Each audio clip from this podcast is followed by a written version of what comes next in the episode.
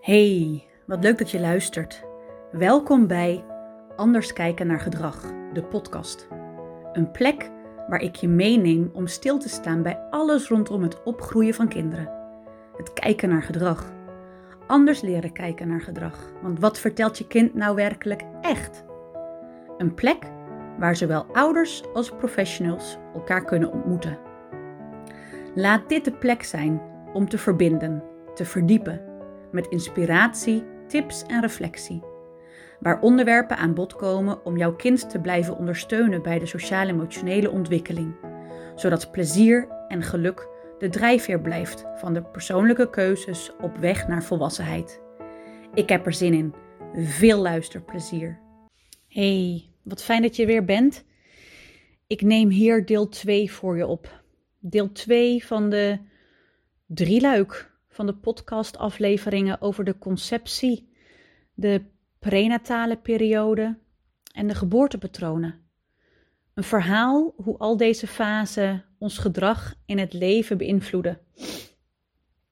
Of eigenlijk nog anders gezegd, de fundering van ons handelen. De fundering van ons handelen wordt gelegd in deze pre- en perinatale fase. Ik deel dit met jullie om bekendheid te geven aan deze onbewuste opgeslagen herinneringen in elke fase van de zwangerschap.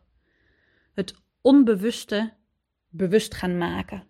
Dat wens ik met deze podcast-serie, met dit drie leuk te doen. Waar je de vorige keer al hoorde over de conceptiefase en wat zo al in de zwangerschap uh, bij kan dragen, mee kan spelen, ontwikkelen ga ik het nu hebben over de geboorte.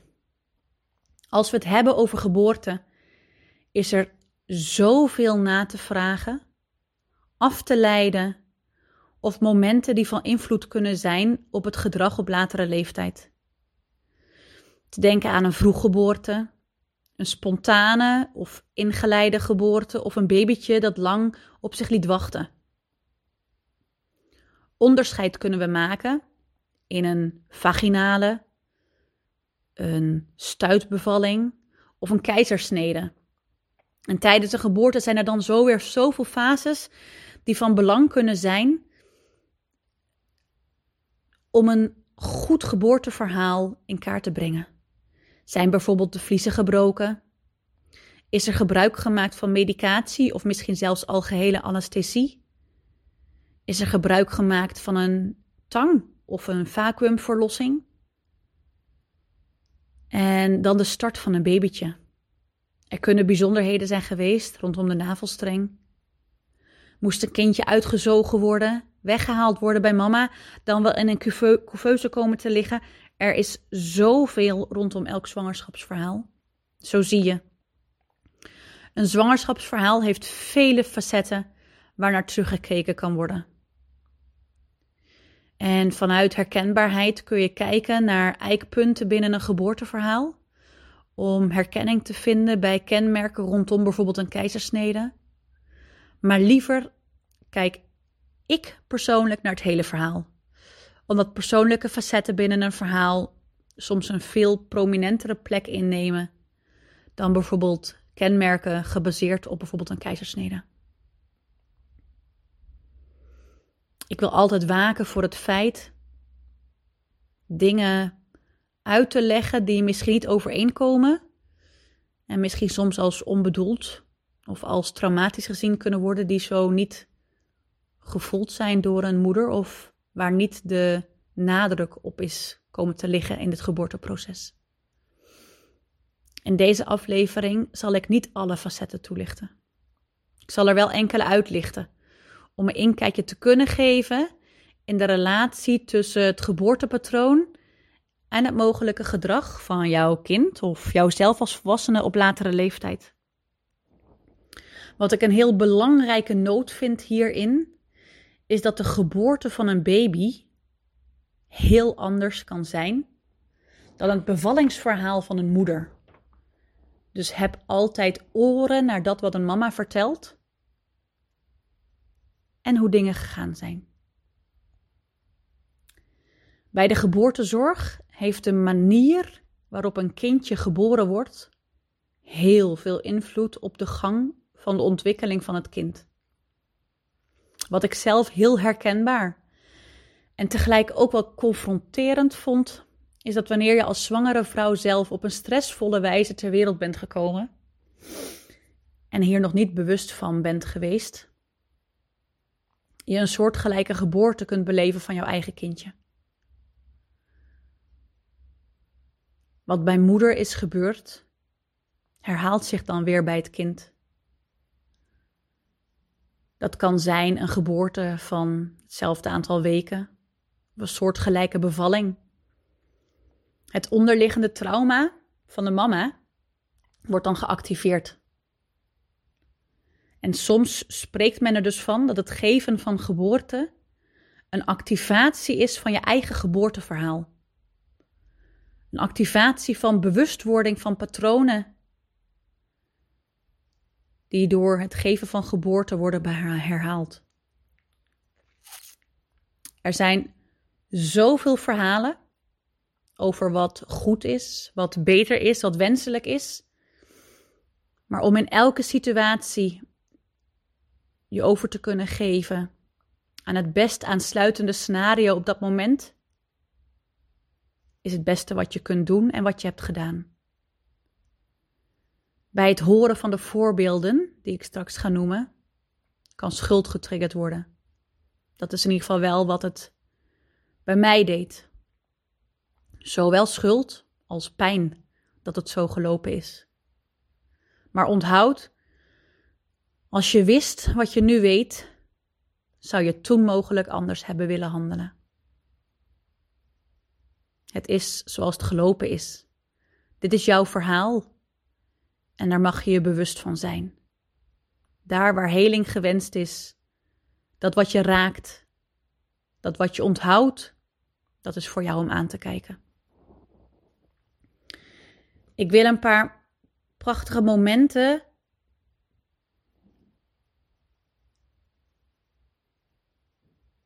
die er zijn rondom een geboorteverhaal wil ik heel graag met je delen. Zo spreken we als eerste van het moment, the eternal moment that lasts till eternity. Dat is het eerste moment dat het babytje komt liggen op mama's borst. Wanneer dit direct na de uitdrijving is, wanneer dit direct na geboorte is, noemt men dit het golden hour. Hier ontstaat die optimale verbinding, vaak dus inderdaad huid op huid, hè? blote borst van mama, kindje daarop, nog vol met um, eigen vetten. Hier kan teruggekeken worden met veel koestering. Het verbetert de relatie tussen kind en moeder. Het verbetert ook de relatie tussen kind en anderen in het leven. En de relatie die je hebt met je moeder is ook de moedervorm in alle andere relaties. Dus je neemt het mee. En soms pijnlijk, omdat het moment misschien niet was hoe jij wilde of niet ging. Er is nog een bijzonder moment.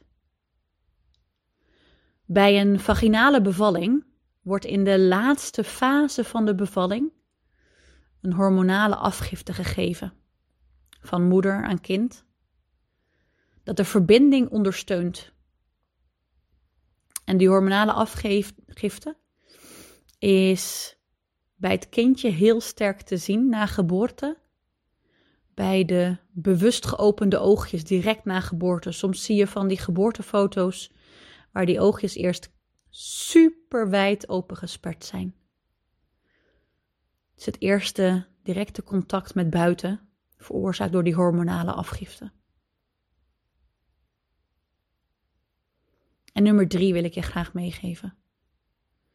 Veiligheid is niet de afwezigheid van een bedreiging, maar het is de aanwezigheid van een verbinding. Aldus Gabor Maté.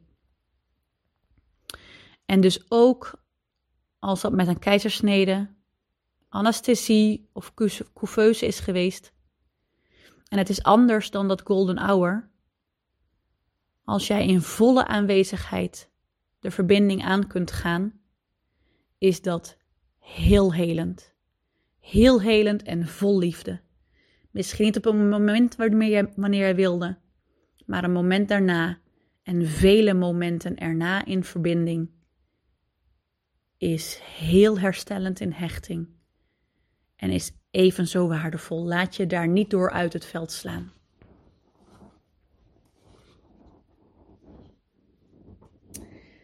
Ik wil heel graag een paar voorbeelden met je delen over de soorten bevallingen die er kunnen zijn en wat dit met een kind kan doen.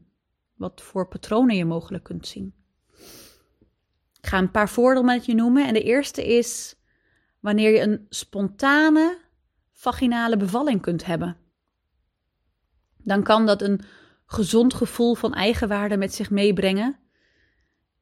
Je kunt vaak een eh, fijne vorm van controle ervaren.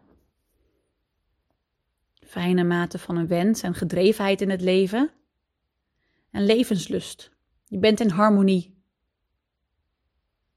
Een ander voorbeeld is dat jouw kindje, of jijzelf, bent geboren middels een stuitligging. Een kindje in stuitligging dat zich verplaatst tot stuitligging, kan aanvoelen dat het nog niet veilig was om geboren te worden. Het niet veilig voelen kan ook zijn dat het misschien wel niet het gewenste geslacht had, of een roep van het kind naar mama toe om de aandacht op het kindje te kunnen vestigen. En mama lijkt dan nog geen invloed te hebben op het kindje. Kindje ligt in stuit. Mama kan met zoveel randvoorwaarden, extern zorgen, verdriet te maken hebben. Het verhaal van een stuitligging, en het kan ook direct visueel duidelijk zijn, het is een dwarsligger. In patroon zou je kunnen zien dat dit kinderen zijn of personen zijn die bepalend kunnen zijn, graag dingen op haar eigen manier doen. Soms kan het zijn dat ze de neiging hebben dingen om te draaien of ze proberen uh, meerdere opties eerst uit voor ze een beslissing nemen. Het zijn zomaar wat voorbeelden van dat wat je misschien kunt ervaren bij een kind of volwassene met een stuitligging. En dan deel ik nog het voorbeeld van de keizersnede. Zowel ikzelf als ook Jip is geboren met een keizersnede. En ook hier kan er een onderscheid gemaakt worden tussen een geplande keizersnede of een spoedkeizersnede. Moet je je voorstellen, ook al zijn er nu tal van andere scenario's rondom de gentle sexio's. Dan nog zijn er opvallendheden die het vermelden waard zijn.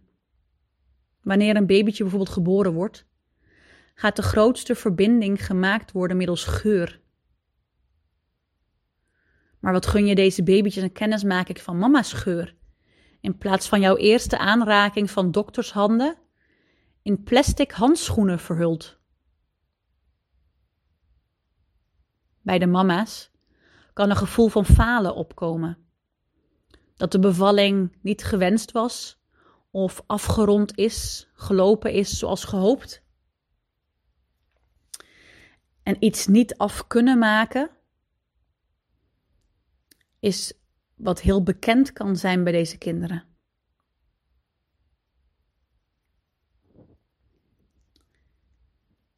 Ik herken het zelf als ik nu even hier uh, om me heen kijk. In projecten niet helemaal afmaken. Of als ik het af heb, direct weer doorgaan naar het volgende. Het patroon wat gezien kan worden bij een keizersnede is dat je veel moeite hebt om je grens te bepalen, om je grens te behouden.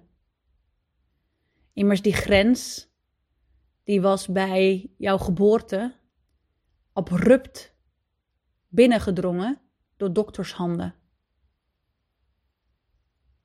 Kinderen of mensen kunnen soms moeilijk tegen onvoorziene aanrakingen. Het voelt als een um, surprise of een verrassing. Dus kondig soms aan dat je ze even aanraakt. En doe dat dus misschien niet van achteruit, dat ze het niet zien aankomen. Een ander ge uh, geboortepatroon en dus gedragspatroon wat je later zou kunnen zien, is dat deze mensen erg eigenzinnig zijn. Ze hebben graag zelf de regie. Ze willen dingen graag zelf doen. En bijvoorbeeld de tweejarige peuterfase kan met een extra schepje temperament erbovenop ervaren worden. Daarbij kunnen deze kinderen juist veel lichamelijk contact vragen, of juist helemaal niet. En de impact is juist uitgesproken.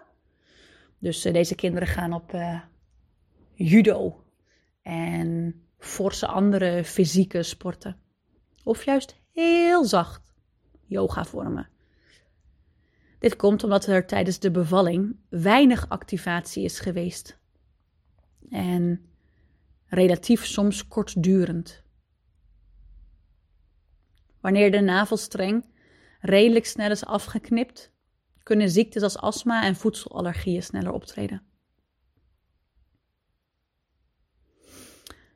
Het laatste wat ik met jullie bespreek hierover is wanneer je je babytje om wat voor reden dan ook bij jou als mama is weggehaald. Voor de hand liggend, maar wel goed te benoemen, kan bij deze kindjes nog meer dan bij andere kindkarakters het gevoel van eenzaamheid, van buitengesloten worden of in de steek gelaten worden opspelen. Het zal heel helpend zijn als papa bijvoorbeeld deze periode ook mee mag dragen na geboorte. Dat hij mee mag zorgen en dat hij bijvoorbeeld uitleg kan geven waarom mama juist op dat eerste ogenblik na geboorte even weg was. Want die separatie en het gebrek, de separatie, dus de splitsing van moeder en kind. En het gebrek aan verbinding is een aandachtspunt waar je al vroeg en met je kindje over kan praten. Opdat het gevoel wat je babytje in het onderbewust heeft herinnerd en is opgeslagen, uitgelegd kan worden. En die uitleg gaat weer zo'n eerste fase van heling zijn. Het gevoel van niet goed genoeg zijn, niet geliefd zijn, kan ook soms een oorsprong al vinden in de moeder-kindband, die in deze fase van de ontwikkeling dus al getest is, zo zou je het kunnen zeggen. Jeetje kind, mama had het graag anders gewild, maar het verliep op deze manier. Ik voelde mij toen heel eenzaam. Dit gebeurde er. Iets dat ik eigenlijk helemaal niet wilde, maar toch verliep het zo. Jij hoeft die gevoelens niet te dragen. Samen zijn we in gesprek, zodat je weet waar jouw gedrag, waar jouw gevoelens vandaan komen. En wat je dus ook weer bij mama mag laten. Zomaar wat woorden die je je kind kan meegeven. En misschien is het overbodig om te benoemen, maar als er bijvoorbeeld een lange bevalling is geweest van een spontane start, een fysiologische doorgang, waar een cocktail van hormonen wel is vrijgekomen, maar wat bijvoorbeeld geëindigd is in een keizersnede, dan is het heel wenselijk om wel het hele traject te belichten en uit te leggen. Uit te leggen naar de ouder omdat hier een heleboel positief ontwikkelde factoren aanwezig zijn. En juist die zijn aanwezig en komen dan bijvoorbeeld niet helemaal overeen met bijvoorbeeld een keizersnede patroon. Zo zie je, elk geboorteproces verdient individuele aandacht. Daar mag je over in gesprek gaan, omdat het helend kan zijn voor jezelf en misschien verhelderend kan zijn van dat wat je ziet bij je kind. Of, bijvoorbeeld ook in mijn geval, wat je gaat herkennen bij jezelf. Dit was deel 2. Deel 2 over het stuk geboortepatronen. Dat wat je meekrijgt bij je geboorte. Dankjewel voor het luisteren. Er gaat nog een deel 3 komen. Dat gaat een ervaringsgericht verhaal zijn van mij. En dan kun je ook met praktische voorbeelden zien en plaatsen hoe dit tot stand komt en hoe dit geuit wordt. En zie je overeenkomsten en dingen die ik eerder heb genoemd in het verhaal voorbij komen. Dankjewel voor het luisteren. Ik zie je graag terug bij deel 3.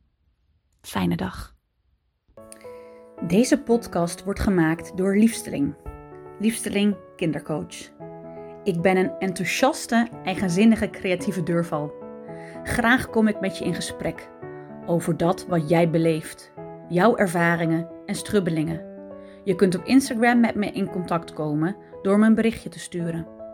Mocht je de podcast van waarde vinden, dan zou ik het super leuk vinden als je een korte review achterlaat of mij tagt in jouw story. Zo weet ik wie er luistert en waar jullie van aangaan.